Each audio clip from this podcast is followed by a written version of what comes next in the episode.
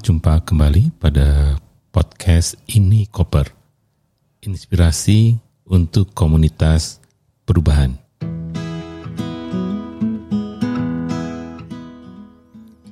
Kali ini saya ingin berbagi tentang pengalaman dua atau tiga minggu yang lalu. Saya diminta untuk mengisi satu materi tentang strategi advokasi digital.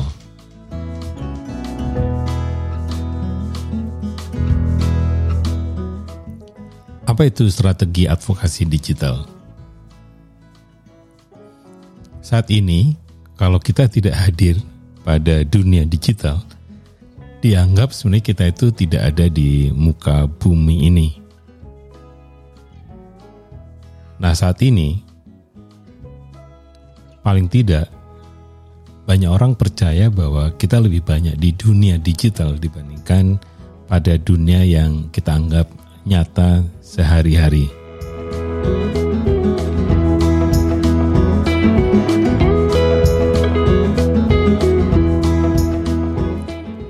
Advokasi dalam pengertian yang lebih luas sebenarnya adalah upaya bagaimana kita mempengaruhi orang lain agar orang lain bisa melakukan apa yang menjadi tujuan-tujuan perubahan atau tujuan-tujuan sosial yang kita promosikan.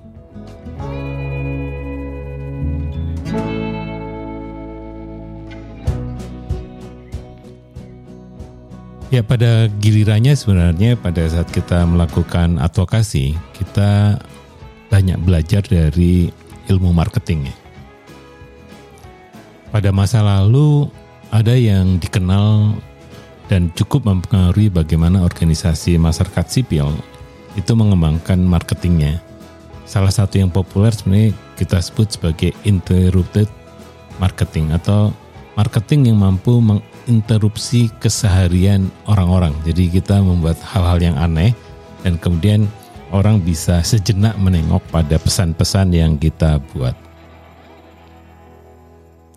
Nah saat ini sebenarnya marketing itu lebih banyak fokus pada bagaimana memanfaatkan influencer.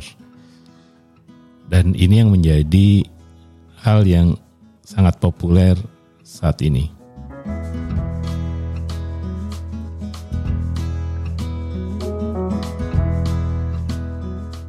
Kalau kita kembali pada marketing yang kita interupsi ya, bagaimana menginterupsi keseharian orang-orang. Pertama karena sebenarnya manusia itu memiliki kemampuan atensi yang terbatas. Jadi mereka itu sebenarnya tidak bisa nonton semua hal atau mendengarkan semua hal itu tidak bisa. Oleh karena itu kita harus berpikir bagaimana supaya orang-orang tuh mau mendengarkan apa yang kita pesankan.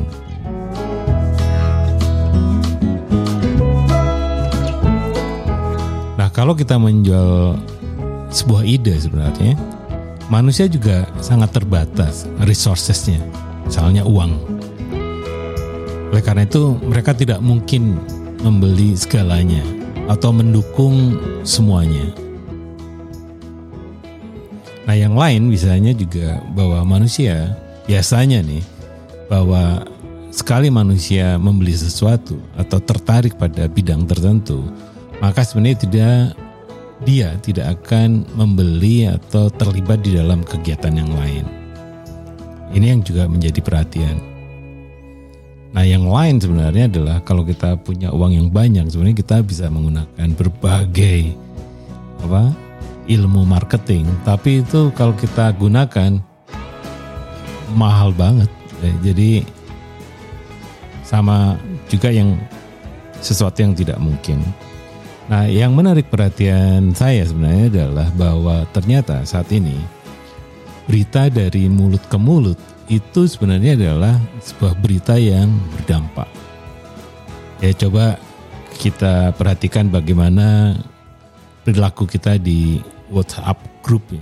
Bagaimana kita selalu copy paste tentang banyak hal mau video, foto atau apa atau frase kata-kata yang menarik dari banyak hal gitu. Jadi ini yang menjadi kebiasaan dari orang per orang gitu. Jadi jadi kenapa demikian kalau memang da, apa bahwa kegiatan dari mulut ke mulut itu berpengaruh tugas kita sebenarnya sebagai orang yang akan melakukan advokasi kita sebenarnya diminta untuk membuat cerita sehingga orang tadi berbagi cerita-cerita yang yang ingin dibagi ke banyak orang.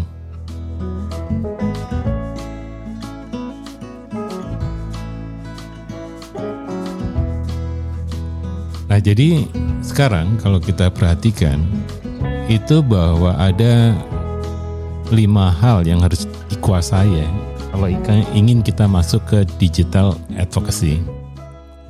Yang pertama adalah bahwa tadi kita mempelajari tentang kekuatan seorang influencer. Apa ciri-cirinya?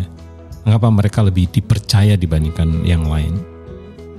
Kemudian yang kedua tadi bahwa mulut dari mulut ke mulut itu adalah kekuatan yang sangat penting dibandingkan kita muncul di TV atau di koran itu udah udah jadul banget ini. Nah yang ketiga sebenarnya semua orang itu bisa menjadi bintang saat ini.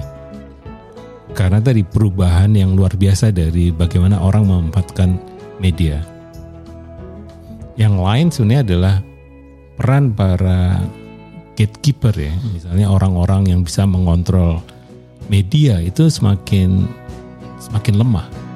Oleh karena itu banyak hal yang kita bisa lihat apa pun tidak bisa ditutup-tutupi karena para konten kreator itu bisa membuat apa pun gitu meskipun ditutup-tutupi ya bisa dengan pertanyaan, bisa dengan video yang lain dan sebagainya. Itu yang kemudian mempengaruhi opini di publik. Nah, yang kelima sebenarnya yang harus dikuasai kalau kita ingin bertransformasi ke digital yaitu adalah bagaimana kita menguasai kreator toolkit jadi aplikasi, alat-alat dan sebagainya yang sering dipakai oleh para konten creator. Itu yang menjadi penting sebenarnya kalau kita ingin bertransformasi ya dari strategi advokasi yang yang analog ke digital. Nah, sekarang bagaimana tahapannya sebenarnya di dalam kita mengembangkan strategi advokasi yang digital? Yang pertama adalah kita bisa meniru satu kegiatan yang sifatnya aktivasi.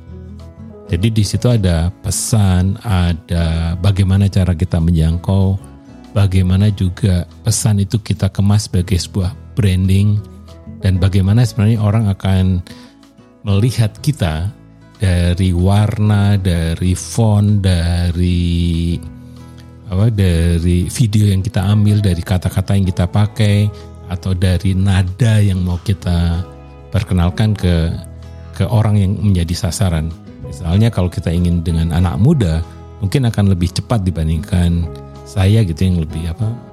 lebih slow ya sehingga memang sasarannya tidak sepenuhnya untuk anak muda. Yang kedua adalah membangun yang namanya conversation. Jadi di sini adalah bagaimana kita reach ya, menjangkau mereka. Itu bagaimana caranya. Tapi di sisi lain sebenarnya kita juga berharap di dunia digital itu ada komen. Ini yang atau yang kita sebut sebagai resonance. Ya, orang harus merespon apa yang kita sampaikan. Kalau tidak ada resonance, sebenarnya kita juga harus ragu-ragu apakah pesan kita itu diterima orang. Nah, oleh karena itu harus balik lagi ke yang proses aktivasi tadi. Proses aktivasi adalah untuk kita membangun apa yang kita sebut sebagai komunitas. Nah, yang penting sebenarnya di dalam di dalam conservation yaitu di dalam apa, conversation itu adalah bagaimana sebenarnya apa yang kita percakapan itu relevan dengan apa yang menjadi percakapan di kelompok-kelompok yang menjadi sasaran kita gitu. Nah, ketiga atau yang terakhir sebenarnya adalah untuk strategi ke digital advocacy ini adalah engagement. Nah, di sini sebenarnya adalah penting juga sebenarnya menciptakan apa yang disebut sebagai micro influencer. Karena sebenarnya influencer kan ada yang sifatnya selebritis, ada yang kategoris. Ya. Jadi yang selebritis memang itu orang-orang orang-orang yang sudah eksis di dunia digital semacam ini. Tapi ada juga yang orang-orang sebenarnya spesifik menguasai tertentu atau tertarik pada tertentu, itu juga sebenarnya influencer. Tetapi yang saya ingin ingin buat di dalam organisasi masyarakat sipilnya adalah yang disebut micro influencer, yaitu orang biasa. Orang biasa yang melakukan sesuatu, ya dia tinggal di satu tempat, melakukan hal-hal kecil yang sebenarnya kadang nggak dilihat oleh orang, tetapi sifat pertama sebenarnya dia atau autentik. Jadi melakukan sesuatu yang memang dia suka, dia lakukan sehari-hari dan dan bermanfaat bagi apa yang menjadi pesan-pesan kita apakah untuk alam ya untuk lokal ekonomi, untuk kesehatan, untuk pendidikan dan lain-lain. Tapi bagi organisasi yang ingin bertransformasi digital, orang-orang ini harus sesuai dengan brandnya organisasi. Organisasinya sendiri ingin dikenal di publik seperti apa. Nah, kalau banyak organisasi masyarakat sipil menyuarakan suara-suara pinggiran ini, itulah yang akan menjadi luar biasa.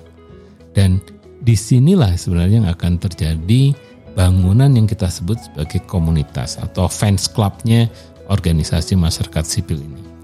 Dengan komunitas yang makin kuat, peluang kita melakukan perubahan melalui advokasi digital itu akan lebih mudah terjadi.